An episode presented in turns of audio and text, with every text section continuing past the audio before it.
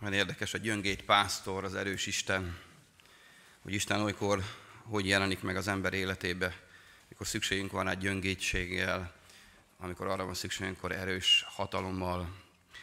Isten igéjét az apostolok cselekedetéből fogom ezen az alkalommal is felolvasni, a 27. fejezetnek a 9. ige verséből. A Pál hajótörés a három közül az egyik, amelyet legrészletesebben tudósít a Biblia. Aki teheti fönnállva hallgassa meg az Úr igéjét, amelyet tehát az apostolok cselekedeteinek 27. fejezetének 9. igeverséből fogom olvasni. Mivel pedig közben sok idő telt el, és a hajózás is veszedelmessé vált, hiszen a bőjt is elmúlt már, Pál figyelmeztette őket. Férfiak, látom, hogy a további hajózás nem csak a rakományban és a hajóban okozhat nagy kárt, hanem életünket is veszélyezteti. De a százados inkább hitt a kormányosnak és a hajó tulajdonosnak, mint annak, amit Pál mondott. A kikötő nem volt alkalmas a terelésre, ezért a többség úgy döntött, hogy tovább hajóznak onnan, hát ha eljutnak Főnixbe, ahol átterelhetnek. Ez Kréta egyik kikötője, amely délnyugat és északnyugat felé néz. Mivel pedig enyhe délszél kezdett fújni, azt hitték, hogy megvalósíthatják elhatározásukat. Fölszedték tehát a horgonyt, és tovább hajóztak Kréta közelében. Nem sokára azonban a sziget irányából lecsapott az Euralquilónak nevezett szélvihar. Mikor az magával ragadta a hajót úgy, hogy nem tudott a széllel szemben haladni, rábíztuk a hajót és sodortattuk magunkat vele. Amikor egy kis sziget Klauda szejlárnyakos oldalára befutottunk, nagy nehezen ugyan, de meg tudtuk tartani a mentőcsónakot. Miután ezt felmondták, óvintézkedéseket tettek, alul átkötötték a hajót, és mivel féltek, hogy a Szirtis tengerből zátonyra futnak, a horgonyt leeresztették, és úgy sodortattak tovább. A vihar hevesen hányt vetett bennünket, ezért másnap kidobálták a hajóterhet, harmadnap pedig a hajó felszerelését dobálták ki saját kezükkel. Mivel pedig sem a nap, sem a csillagok nem látszottak több apon keresztül, és erős viharton volt, végül elveszett megmenekülésünk minden reménye. Mint hogy már sokat éheztek is, Pál felállt közöttük, és így szólt. Az lett volna helyes férfiak, ha rám hallgattok, és nem indulunk el Krétából, hogy elkerüljük ezt a veszélyt és ezt a kárt. Én azonban most is azt tanácsolom nektek, hogy bizakodjatok, mert egy lélek sem vészel közületek, csak a hajó. Mert ma éjjel elém állt annak az Istennek az angyala, akié vagyok, és akinek szolgálok. És ezt mondta, ne félj, Pál, neked a császár elé kell állnod, és Isten neked ajándékozta mindazokat, akik veled vannak a hajón. Ezért bizakodjatok, férfiak. Én hiszek az Istennek, hogy úgy lesz, ahogyan nekem megmondta. Egy szigetre kell kivetődnünk. Ámen. Foglaljunk helyet, testvérek.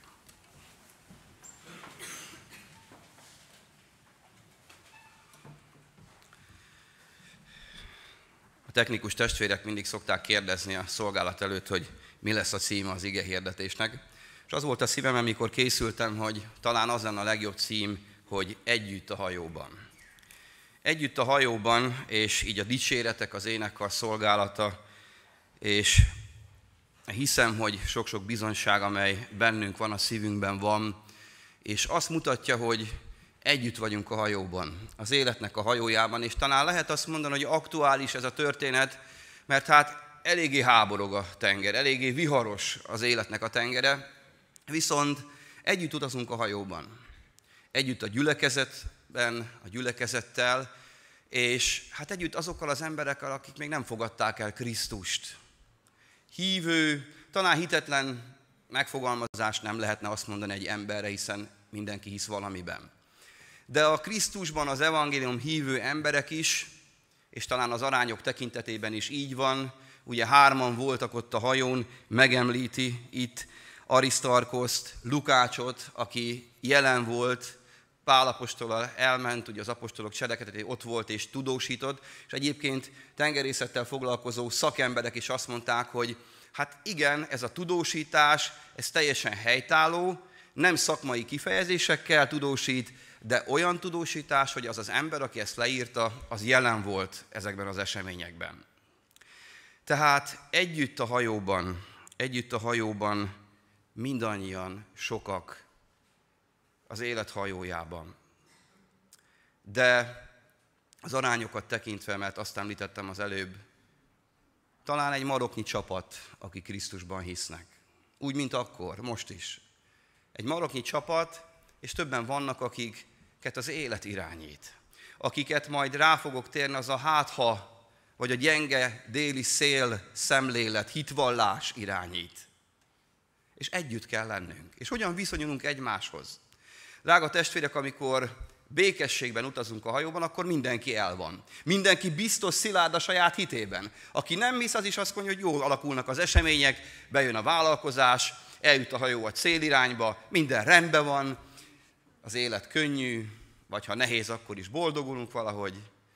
A hívők, amikor áldás van, amikor kényelem van, és nincs próba, szintén olyan békességben, csendesek a vizek, és halad a hajó. De amikor megérkezik a vihar, akkor sok minden kiderül. Akkor kiderül, hogy milyen az a hit, amely az ember szívében van. Mi az az élet filozófia, vagy az a gondolkodás, amelyre ráépítette az életét. Megáll, vagy a viharral, vagy a mentőcsónakokkal, vagy a hajódeszkával, vitorlával és árbóccal együtt elvész, eltűnik. Na hát valaki, nem valaki, sokan mondták már ezt, hogy ekkor derül ki, hogy kinek milyen hite van. Vagy kinek a gondolkodása mennyire szilárd, és mennyire életközeli, mennyire valóságos. Ezt a történetet megint csak úgy kell szemlélnünk, mint a Biblia minden egyes igéjét és történetét, hogy az isteni terv az szilárd és megáll. És ha emlékszünk, akkor Agabosz megprofétálja Pálnak ott az övével kapcsolatosan az illusztráció segítségével, hogy neki tulajdonképpen Jeruzsálembe kell mennie, aztán később a lélek kijelentő, hogy majd Rómába kell utaznia, tehát itt az események kapcsán hát kellemesen élte ezt meg Pál. Hát megkapta a hajójegyet, és ott elindult szépen a vörös szőnyeg leterítve ott a földközi tengeren, képzeletben, és Pál érkezik a császár elé, ott kioktatja őt. Nem így volt. Hanem veszélyek, viharok, ellenszélben kellett Pálnak betölteni az Isten elhívását és igéjét. Testvérek, miért várjuk azt sokszor, hogy ez a hivatásunk, ez az örráló, vagy követ, Krisztusi mennyei követ hivatásunk, ez olyan könnyen megy. Miért vagyunk meglepődve? Miért tesszük ezt, amikor azt látjuk az igéből, hogy nem e világból valók vagyunk? Maga Jézus Krisztus mondta ezt. És igenis ezzel jár, és amikor megváltozik egy életkörülmény, vagy Krisztusért nehézségeket kell átéreznünk, mégis zúgolódik a lelkünk. Mégis háborgunk. Pedig mit mond Jézus a tanítványainak? Ott abban a példázatban, amikor a szolgákról beszél. Amikor szolga hazamegy a mezőről, amikor valaki az Isten munkájából mondjuk hazamegy, vagy bejön a gyülekezetbe, és megpihenne, akkor az ő úra azt mondja, hogy teríts asztalt. És akkor mi, Krisztusnak szolgái, mi sokszor háborgunk, panaszkodunk, Uram, úgy elfáradtam ebben a szolgálatban, Uram, miért kell ilyen szenvedéseket átélnem, miért kell ilyen nehézségekkel szembesülnöm? És a szolga panaszkodik. Holott ez a dolga. Holott az ő ura ugyanezt tette, panasz nélkül. Mert a panaszkodásunk, a lelkületünk az kiáraszt valamit, az, ami a szívünkben van. És sokszor mi olyan kényelmes szolgái vagyunk a 21. századon a Krisztusnak, hogy mi panaszkodunk. Ah, hát ez a szolgálat. És úgy sajnáljuk magunkat. Sokszor megtesszük ezt, testvérek. De ez a történet abban is bizonyság nékünk, hogy Pálapostól Krisztusban érett módon már meggyökerezve nem panaszkodik, hanem teszi a dolgát. Tehát ez a hajóút, ez a hajótörés Isten által elkészített terv volt. Mert az ő szolgáját fölhasználta arra, hogy megdicsőítse az urát. Egy hajóban vagyunk. Hívő, hitetlen. Vagy nem hívő, nem Krisztusban hívő, hogy hadd korrigáljam magam. Sokszor így van ez, hogy már különnek tesszük magunkat, pedig hát kegyelemből kaptuk az üdvösségünket, mikor ezt kimondjuk valakiről, hogy hitetlen. A Krisztusi terv halad, és az ő gyermeke ebben a tervben van. És a hajóban együtt vagyunk, közös a sorsunk. Mert most szeptembertől, októbertől majd a hívő embereknek nem olyan rezsiszámlák fognak jönni, mert hát az Isten az megszabadít bennünket, mint a többieknek. Mert a boltban nekünk esetleg lesz egy ilyen plusz kártyánk, amivel olcsóbban kapjuk meg majd a, azért, mert hívők vagyunk, mert az Isten belenyúl. Belenyúl a hajóba. Nem. Jó lenne? Biztos. De nem ez az isteni terv. Hanem az isteni terv az, hogy közösen vagyunk egy hajóban, és közös a sorsunk a világgal. És így jön a lényeg, az elhívásunknak az alapja, hogy mutasd meg, hogy neked van egy élő Krisztusod. Mutasd meg, hogy mikor jön a vihar, akkor nem zúgolódsz, és nem bizonytalan vagy, és nem azt látják, hogy félelemmel van tele a szíved. Lehet, hogy van, de megküzdöl vele. Mutasd meg, hogy nem panaszkodsz. Mutasd meg, hogy nem oktatod a világot, hogy nem szállsz be a boxolásba, amit a politika csinál, hanem az Istenre bízod magad. Mutasd meg, hogy az igazságot nem ítélő bíróként te veszed a kezedbe, hanem Istenre bízod. Te viszont Isten kegyelmét mutatod. Élőhitűnek, vagy kevésbé élőhitűnek egyaránt. Hogyan? Az a szilárdság, az a bizalom, az a biztonság, amely ilyenkor derül ki, hogy valóságos-e az ember szívében, vagy hamisság, vagy csak egy vágyálom, az belülről kihat.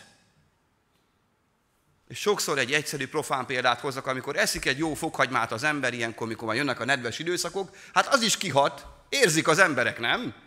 Na hát a szívünkből, lelkünkből ugyanígy fakad föl annak az illata, annak a hitnek az ereje, valósága, amely bennünk van. És hát szoktuk mondani, hogy az igéhirdetés által általában a Krisztusi példa által a tökéletes dolgok hangoznak el, és ettől sokszor eltérünk. Ezt hadd mondjam úgy, nem kioktatva magamat sem, meg másokat sem, hadd mondjam úgy, hogy ez lenne jó. Pálapostól ezt mutatja be nékünk. És amikor ettől eltérünk, akkor a Szentlélek alázom meg bennünket, és korrigáljuk, és mondjuk azt, hogy hát a múltkor az a beszélgetés, drága barátom, munkatársam vagy szomszédom, hát elsodorta vihar veled együtt. De valójában az Isten elé mentem, és látom, hogy Nekem van egy élő Krisztusom. És bár a sorsunk egy, ugyanolyan számlát fizetünk, ugyanannyi terhünk lesz, de én bizalommal vagyok az én Uram felé, mert az isteni terv része ez. Miért sopánkodunk, mikor az ember bűne ide juttatta a világot? Testvérek, látjuk, hogy válakul a helyzet, látjuk, hogy a vihar már itt van. Miért gondolkozunk, csodálkozunk ezen? Mikor a Bibliában megvan írva, hogy ezek az idők eljönnek. Miért szidjuk a másikat, aki másképp gondolkozik, és vakság, szellemi vakság van rajta, és emiatt hoz rossz döntéseket, talán még a kereszténységet is hamisan képviselve. Miért bántjuk őt? Miért nem imádkozunk érte? Miért nem könyörgünk érte? Mert erre hívattunk, hogy osszuk az ész nekik? Vagy erre hívattuk, hogy vádoljuk őket? Arra hívattunk, hogy meggyógyítsuk a lelküket. Úgy, hogy megmutatjuk, az igazságot az életükön keresztül. Tehát Pálapostól története egy isteni terv szerint halad, és a sorsunk közös, és a világgal együtt egy hajóban utazva nekünk meg kell mutatni az Isten dicsőségét, és ez nem könnyű, mert mi is a bőrünkön érezzük ennek a nehéz időszaknak, ennek a viharnak a jelen való veszélyeit és ártalmait. Pál igazi őrálló, figyelmeztette őket. Gondoljunk bele ebbe a helyzetbe. Ott van a fogságban lévő pár, akivel egyébként Julius százados, az a katonatiszt, az nagyon kegyelmes volt, mert Pálnak még lehetőséget adott Szidonba, kikötöttek, hogy elmenjen, meglátogassa azt a kis gyülekezetet, ott még együtt fel tudott készülni erre a viharra. Ez annyira jó üzenet. Hogyan készülünk? Hogyan készülünk a viharra? Hogyan vagyunk közösségben a testvéreinkkel? És testvérek, olyan szomorú az, hogy mi boxolunk, harcolunk, tanítások szelei miatt vitatkozunk, a saját egónk miatt próbáljuk érvényesíteni az érdekeinket. Mert azt hiszük, hogy az a jó. És közben így készülünk, most is, egy nagy gyülekezet így boxol, imacsoport, tanítások, akaratom, ez az én szolgálatom, az az övé, hogy csináljuk, minden. Uralkodjunk, érvényesüljünk. És közben nem készülünk, mert az energiánkat ez köti le. Olyan beszélgetések, olyan ügyek, ahol közös nevezőre kellene hozni a Krisztus közös nevezőjére az Isten ügyét. És lopja a sátán tőlünk az energiát. pedig csak annyi dolgunk lenne, hogy felkészüljünk egy áldott közösségben. És ez a szívem vágy, hogy a Debreceni gyülekezet megérkezzen. Megérkezzen ebbe az állapotba, hogy a testvérek egységben elkezdenek közösen abban a hajóban az Isten ügyéért harcolni, nem egymás ellen. Az Isten Krisztus evangéliumát képviselni, és minden energiát elraktározni arra, hogy mikor jön a vihar, a hajóban együtt az Isten dicsőségét, az őrálló elhívásnak megfelelően tudjon működni. Pál figyelmeztett őket, nem foglalkozott az arányokkal, nem foglalkozott, hogy fogoly, pedig vitték, akkor is Krisztusért éget. És nem evangéliumot mondott, csak egy egyszerű, élet közeli szituációban az isteni bölcsesség által figyelmeztette arra a kapitányt, arra a, a tisztet, a katonatisztet, hogy valami miatt nem tiszta a látásotok. Az anyagi haszon. Mert azt olvassuk, hogy a kikötőbe ugye ez egy Alexandriából érkező, Itáliába tartó hajó volt, és Alexander Egyiptom volt a gabona ellátója a római birodalomnak. És a hajón olyan emberek is voltak, ugye mi volt a császárnak a jelmondat, a kenyeret és cirkusz, cirkusz kenyeret? Majdnem mindegy, hogy milyen sorrendben mondjuk. Hát ment a gabona, meg ment a cirkuszi kellékeknek az ember áldozata. Foglyok voltak ott a hajón, akiket ott bedobtak majd, vagy bedobták volna őket az állatok, hogy szétmarcangolják őket, hogy legyen cirkusz. Sok minden nem változott meg, ma sem. De ott van ez a fogolyember, akinek ég a szíve Krisztusért. És figyelmeztet. És sokszor olyan jó lenne testvérek, hogy a józanság lelke, akár szakemberek vagyunk, akár nem, mert Pál igaz, hogy több ezer kilométert hajózott a misszió útjai kapcsán, átélt egy-két dolgot, két hajótörést is, ez a harmadik lesz majd neki a történet kapcsán, látjuk, de azért szerzett tapasztalatot, élettapasztalatot. És kiki a saját területén ezt az élettapasztalatot bölcsen, szeretettel átadhatja, vagy nagyfejű okos emberként kioktathatja a másikat. Hát a világban főleg ez a jellemző. És Pálapostól figyelmezteti őket, és utána visszavonul. Nem győzködi őket. Amikor megérkezik a vihar, nem kezd el okoskodni, hanem mikor megteszi a dolgát, az őrállói kötelességét, akkor visszavonul és imádkozik. Tudjuk ezt tenni? Visszavonulva imádkozni, Istennel megbeszélni a kérdést, és nem háborogni a sorsunk miatt. Nem az, hogy nem az én akaratom érvényesült, hanem rábízni Istenre. Mert tudja, a szívében tudta Pál, és nekünk is tudnunk kell, hogy a hajó az már, hogy hánykolódik, az isteni terv szerint halad. És az előttünk lévő hónapokban is így fog testvérek haladni. És mi, akik Krisztusban vagyunk, egy dolgunk van. Ha kell figyelmeztetni bölcsen, a hétköznapi bölcsességgel, és visszavonulni, imádkozni azokért, akik nem így tesznek, nem ennek engedelmeskednek, hanem mennek a maguk feje után. Elengedni az Isten kezébe is, nem elfelejtkezni arról, hogy Isten irányít. Mert így szokott ez lenni, testvérek. Kívül is van vihar, meg belül is van vihar. Kívülről is támad a világ, meg belülről is támadjuk egymást is, meg mi magunkat is. Hadd meséljek el egy történetet, aminek azt lehetne adni, hogy a fekete cipő története. Egy lelki pásztor készül a szolgálatra, ő hirdeti az igét aznap, és minden rendben van, hajnalban föl tud kelni, imádkozni az Isten adott gondolatokat a szívére. Az ő drága párja elkészíti a ruháját, de nem találja a fekete cipőjét. Az Isten elől jön, és az Isten elé akar menni. De nincs meg a cipő. Hát most mi lesz? Úrvacsorai alkalom következik éppen. Fekete öltönyben van mindenki, és ahhoz fekete cipő kell. Hát nem veti fel a téli cipőjét, hogy néz az ki, mit mondanak az emberek.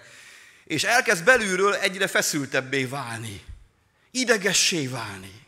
Harcolni. Menni kéne neki ima alkalomra, de a cipője miatt nem tud menni, mert nincs meg a cipő. Hova lett? Régen volt rajta. És elkezd csendes hisztiben, kicsit egyre hangosodó hisztiben cipőt keresni. Az energiái elkezdenek fogyni, az ördög vádolja, körülötte is parázslik minden, és egy fél órán belül, mikor már elkésett az ima alkalomról is, meg lesz a cipő. Pedig már ötször átnézték, hogy hol van azt a területet. Oda megy, bocsátot kér a fejeségétől, ideges lett, és elindul imádkozni. És most itt áll a szószéknél. Mert ez a fekete cipő tulajdonos, ez én vagyok, és ez ma reggel történt. Kívülről és belülről. Jön a támadás, testvérek. De erre föl kell készülni. És lehet korrigálni, hála Istennek. Teljesen mindegy, hogy kirakta azt a fekete cipőt el, de ott energiát von el az embertől. És én, amit energiát kaptam, életenergiát az Istentől, az ott mind eltűnt. És arra ébredtem rá, miután megöleltem a páromat, és eljöttem a lakásból, hogy ezt az energiát, imádkoztam én közben, hogy legyen meg a cipő, de megfér az imádság a háborgással együtt? Hát meg, sokszor ezt tapasztaljuk, de egyébként meg szellemi szinten nem. És arra jöttem rá, miközben átjöttem ide az emelkába, hogy milyen jó lett volna egyből térdre borulni, hogy imádkozzunk. Az Isten megpróbál bennünket. Egy fekete cipővel, vagy egy hajóval, kit hogyan. De egy biztos, az jön ki belőlünk, ami a szívünkben van. Pálapostól kész volt. Nekünk is késznek kell lennie. Itt van ez a százados, és azt olvassuk róla, hogy inkább hit, hogyan dolgozzuk ezt föl, testvérek, amikor bizonyságot teszünk, hogy inkább hisznek az emberek másnak, a pillanatnyi érdeknek, mert hát ennek a hajó tulajdonosnak is mi volt az érdeke? Hát egy olyan kikötőbe kitelelni, mert október eleje volt, és tudták, hogy, hogy itt olyan viharos szelek vannak, ugye az Euroaquila szél, vagy másmilyen borasz szél, ami le fog csapni. Törvényszerű, mindig így volt. Év századok alatt is így volt mindig. És mégis az érdekek mennyire befolyásolják az ember szívét a döntéseiben. Úgy gondolták, azt hitték, hogy ez majd sikerülni fog. Mert mi azt hiszünk sokszor. És Pálapostól szembesül azzal, hogy senki nem hallgat rá. És elengedi. Elengedi. Nem veszi személyes sértésnek, hogy nem egy véleményen vannak, hanem elengedi, mert tudja, hogy Isten ott van, Isten szilárd. De a százados inkább hitt a kormányosnak. Ugye a kikötő nem volt alkalmas, ezért a többség úgy döntött. Hát sok fogoly volt, 300 körüli ember volt a hajón, a többség az a vezetőknek a többsége. Hoztak egy döntést amelyet a saját fejük érdekeik után hozták. Testvérek, van egy érdekes dolog itt, mert sokszor mi is így, hívő emberként így hozunk döntéseket. Hogy legyőzi az érdekünk, a kényelmünk, mert ugye az volt, az nem teleltek volna úgy ki. És hát egy kényelmes kikötőre vágytak. Talán, ahogy nagyobb biztonságban tudják, a rakományt is. És a józan észre szembe mentek. Mikor a döntést meghozzuk, mikor még van időnk rá, hogy imádkozzunk, amikor még nem léptünk, akkor kell elcsendesedni. Mert amikor már benne vagyunk a viharba, akkor kapkodás van. Akármilyen hívő emberek vagyunk, ott tűzoltás van. És a kapkodás elvonja az energiánkat, az a probléma, az a vihar helyzet, az leköti a figyelmünket, és nem tudunk már úgy, vagy egy cipő, vagy bármi más, nem tudunk úgy az Istenre koncentrálni, pedig kellene. Jobb nem kapkodva döntéseket hozni. Jobb fölkészülni a viharra, mert az jönni fog. De az Isten erősítsen bennünket ebben, és fogadjuk el, ha elutasítanak bennünket. Amikor Jeremiás ott állt a templom ajtóba, és érkeztek a kegyes emberek, és neki hirdetni kellett az Isten igazságát, hát ez egy nagyon kellemes érzés lehetett a profétának, nem? Sokszor így vagyunk mi is az Isten igazsággal. Ne lepődjünk meg ezen. Ez nem véletlen, ez elrendeltetett. Közeledik a végidő, Krisztus érkezni fog vissza, és egyre nagyobb ellenállást szít a sátán azoknak az életében, akiknek ilyen labilis életük van és hitük van. Nézzük, hogy milyen. A többség szava. Mert ebben van az erő. És gondolkodás nélkül, a józanésznek ellentmondva, elfogadom a többség gondolatát. Aztán ott van az a hátha életfilozófia. Tudjuk, hogy a törvényszerűségek nem azt diktálják, de mégis az érdekünk, a kényelmünk és sok-sok minden más motivációnk, azt mondja, hát ha nekem sikerül. Senkinek se szokott, de nekem hát, ha egyszer most sikerül, mert hát én különleges kedveltje vagyok az Úrnak, akár hívő emberként is. De ez a hát, ha életfilozófia, ez olyan, mint a szappanbuborék. Megjön a déli lágy szél, ami igazolja az én igazságomat, és akkor ez a hát, ha erősödik. Hát, ha most nekem először. De ha nincs igei alapja, nincs ott a valóság megtapasztalása, akkor az a hát, ha az olyan, mint a szappanbuborék. Egy darabig szép, aztán puk. Semmi nincs belőle. Hívőként is van, mikor ilyen hátha életfilozófiával élünk testvérek. A hívő embernek józannak kell maradnia. És a hívő ember nem azt jelenti, hogy a józan észsel ellen döntök, és így verem a mellem, hogy én hívő vagyok, és ez nekem sikerül, mert az Isten az hatalmas, és megadja. Hát ez nem az, mikor Isten befogom a szekerembe. Istent az én igazságom érvényesítésére, vagy igazolására akarom befogni. Hát ki vagyok én? Pált az Isten fogta be, és nem ingatta meg a többség hátha élet filozófiája, ami a józan észsel szembe megy. Mert a törvényszerűségek mögött is Isten van. És van, mikor az ő csodái, az ő kegyelmi, irgalma, az ő döntése kapcsán ezek a törvényszerűségek, még a fizika törvényszerűségek is felborulnak. Volt ilyen a Bibliában, kettőről is tudunk. De józan gondolkodást adott az Isten az embernek. És ezt számba kell vennie. Nem szabad elfeledkezni róla. Mivel pedig enyhe déli szél kezdett fújni. Testvérek, kinek fúj az életében most ilyen gyenge déli szél?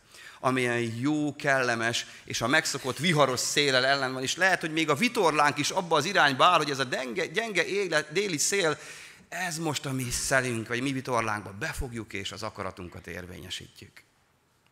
Na hát, a sátán is tud szelet teremteni ilyen értelemben. Megtámogatja a mi nem Istentől való gondolatainkat. És akkor döntések ebben harcolunk, akkor azt a kellemes, kis fuvallatot oda küldi hozzánk. És olyankor mi annyira akarjuk a saját igazságunkat érvényesíteni, hogy nem számít. Igazolva van az én igazságom, a vért igazságom. Aztán, amikor összeáll így a kép, és a sátán dörzsöli a patáját, vagy ki tudja miét, akkor elindul a hajó. És nem is sok idő után megjön ez a két szó, nem sokára azonban. És ez a két szó elérkezik a mi életünkben is, ha ilyen döntéseket hozunk. Nem sokára azonban, de hát együtt vagyunk a hajóban. A hívember mit csinál? Tombol, nem megmondtam, hogy igazam van. Ti kutyaütő, gyaúr, hitetlen pogányok. Miért nem hallgattatok rám? Nem megmondtam, hogy az Isten így mondta, az Isten embere vagyok, hát nézzetek már rám. Hát az Isten szolgája vagyok, hát miért nem hallgattok rám? Ez történik. Nem, Pál csendben osztozik a balga döntés kapcsán kialakult helyzettel. Együtt a hajóban. Osztozik, de közben az Isten előtt van. Végzi a dolgát. Együtt a hajóban, testvérek. Abban a hajóban, amit a vihar magával ragad, úgy, hogy nem tudott a széllel szemben haladni, és a irányítók, akik vezetőké voltak jelölve, azt mondják, azt úgy tudósít Lukács, hogy rábíztuk a hajót, és sodortattuk magunkat vele. Mert itt már ilyen helyzet van, a rossz döntésből fakadóan, hogy sodródunk. Vagyis nem a kezünkben van az irányítás. Kiragadta a kormányt a kezünkből. De a nagy kormánykerék az a mennyei. Pál tudja, hogy az Isten kezében van. Látszólag úgy tűnik, hogy most minden elveszett. Látszólag úgy tűnik, hogy még a hívők is szenvedni fognak. De a kormánykereket biztosan szilárdan tartja az Isten továbbra is. És figyelnek bennünket, hogy sodortatunk ezzel a helyzettel lelki értelembe véve is, vagy mi szilárdak vagyunk, és Isten békességet ad a szívünkbe. Aztán annyira jól leírja, és egy nagyon, egy nagyon jó filmet lehetne csinálni egyébként ebből a fejezetből. Egy izgalmas filmet lehetne csinálni. De hát nézzük meg, ez így is izgalmas lehet, hogy csak kulcsszavakat ragadunk ki, ugye nem tudott, rábízták kire? Hát a hátha életfilozófiának. A hátha sikerül megmenekülnünk. Semmi szilárd nincs mögötte. Sodoródnak, és akkor nagy nehezen ugyan kicsit fellélegeznek, mert meg tudják menteni a mentőcsónakot. Hát a mentőcsónakban lehet bízni, nem? Testvérek, az életünkhöz hány ilyen mentőcsónak ragad most? Hány vésztervünk van, emberi, világi, ami az előttünk álló viharban ott van, és ragaszkodunk a mentőcsónakhoz. Mert a mentőcsónak majd 300 ember, ugye a nagy viharban a hajó összetörik, a mentőcsónak az kell. Mert vannak ilyen gondolataink, vannak ilyen vészkiárataink az életben, vannak mentőcsónakjaink. És sokszor már az is örömet okoz, hogyha egy ilyen viharos helyzetben van egy kiskapu, megtaláltam, eszembe jutott. Hát ott megmenekülök, de nézzük, fokozódik a helyzet, sodródnak tovább, és amihez ragaszkodtak, a rakományhoz, a hajó felszereléshez, amit megmentett, meg, meg akartak menteni, azokat elkezdik a saját kezükkel kidobálni. Testvérem, vagy drága barátom, kedves vendégünk, aki itt vagy, és még nincs Krisztus a szívedbe, mit kellene kidobálnod az életedből, ami még ott van? És talán azt érzed, hogy sodródsz az élettel viharaival. Megvannak a mentőcsónakjaid. Lehet, hogy te még nem használtad őket, de láttál már mást használni ilyet, és ebben bízol. Mit nem tudsz elengedni? A hívő testvéreimet is szólítom még egyszer. Mik vannak még, amik terhek az életünkben, amit ki kéne dobálni? Szokások, tulajdonságok,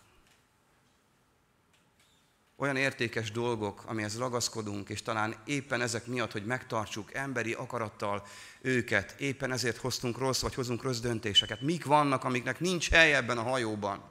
Mik vannak, amelyek lekötik a figyelmünket, energiáinkat?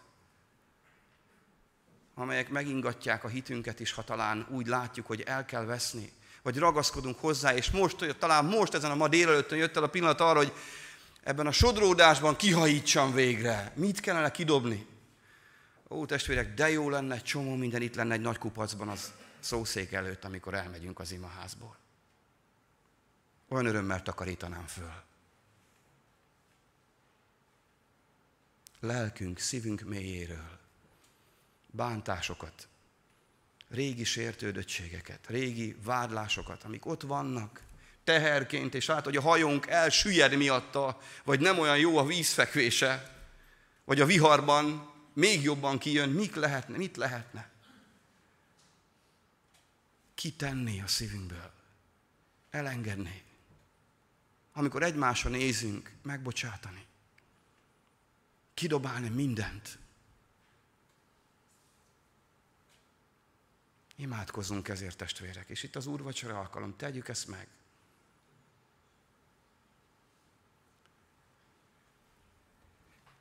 Sodródtak tovább, és mikor kidobálták, mégis úgy alakult a helyzet, hogy minden reményük elveszett.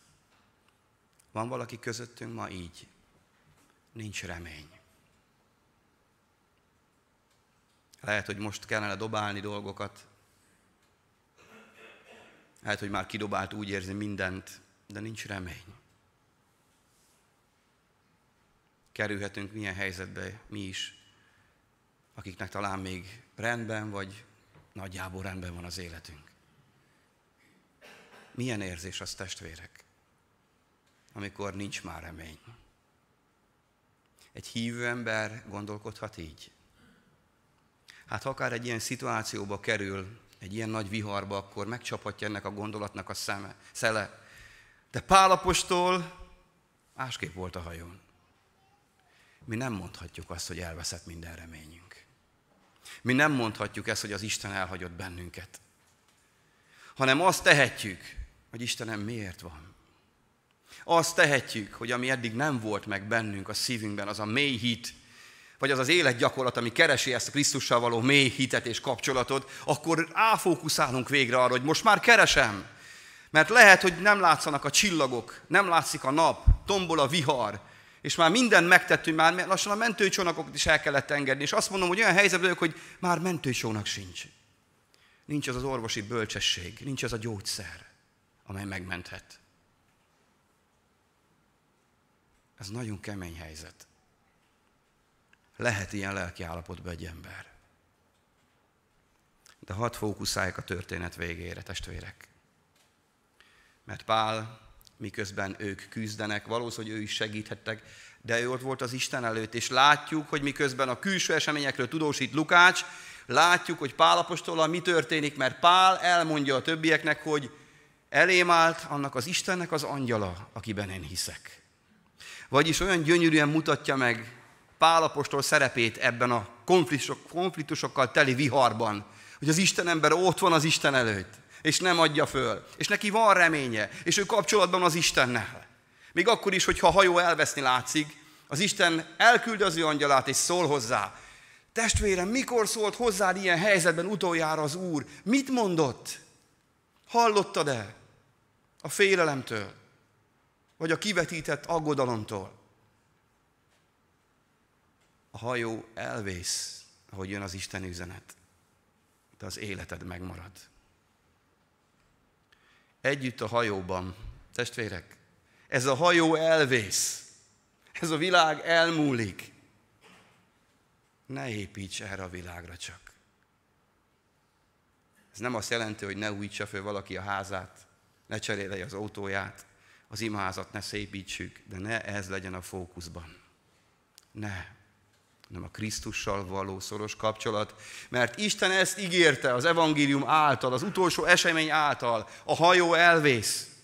De azok, akik veled együtt vannak, megmenekülnek. Ki az, aki azt tudja mondani ma, hogy az én lelkem megmenekül, mert Krisztus megváltotta mert a keresztnél békességet találtam. És egy feltámadott élő Krisztusom van, aki a viharban is úr. Ki az, aki ezt tudja mondani, és nem csak szóval, hanem majd a viharban is ezt tudja mondani. Mert akkor derül ki, hogy mi van a szívében. Együtt leszünk a hajóba. Van közöttünk olyan lélek, aki még nem döntött Krisztus mellett, de már tombol a vihar, és látszólag minden reménye elveszett. Van közöttünk ilyen lélek. Hívom az Istenhez. Jöjj, drága lélek! Ne a mentőcsónakban bíz abban az Istenben, aki szeret téged. Abban az Istenben, aki veled van támaszodban, és lehet, hogy a te tested hajója is elvész, de készülj akkor úgy a halára, hogy a lelked megmenekül, és örök életed van Krisztusban a mennyben. Ezért kell ma emlékeznünk. Mert annak az Istennek az angyala, aki a mi Istenünk is, az eljött. És a Szent Lelke által ma is hirdeti a jó hírt. Krisztus megváltott gyermekeként mindened elveszhet, de a lelkednek üdvössége lesz. Ezért emlékezzünk ma az Isten igéjére. És hadd zárjam azzal a gondolatsort, hogy a szigetre kell kivetődni, ez a mennyei sziget az ott vár bennünket. Jézus azt mondja, ne nyugtalankodjék a ti szívetek, higgyetek Istenben, és higgyetek én bennem. Ő elmegy és helyet készít nékünk. Van örökkévaló helyünk a mennyben, ami drága megváltunk, ezzel foglalkozik. Milyen gyönyörű dolog. Itt 14. napja sodródtak már, jön egy jó hír, jön egy ígéret, és ilyenkor azt várna az ember nem, hogy lecsendesedik a vihar, és a hajó megmarad. Na de hát az ígéretet nem szabad elfelejteni. A hajó elvész, minden elvész, mindent kidobáltak, de az életed megmarad. És az ígéret úgy érkezik, hogy még utána tombol a vihar. Mert mi azt várnánk ilyenkor, nem, hogy hát legyen már csend. Azt várnánk ilyenkor, hogy oldódjon meg minden. A halálos beteg azt várja, hogy meggyógyuljon. Aki konfliktusban a házasságban azt várja, hogy végre már megváltozzon az asszony vagy a férj. És lehetne sorolni, hogy mit várunk.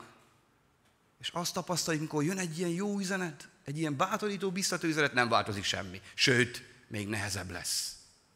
Na de hát az a jó a Bibliában, ugye, hogy fölülről szemlével látjuk, nekik megvolt az ígéretük, aztán még ott a deszkákba kapaszkodva egy-két kartempót kellett végezniük ott a hánykolóró tengerben, ami nem volt könnyű. És sokszor mi is így vagyunk.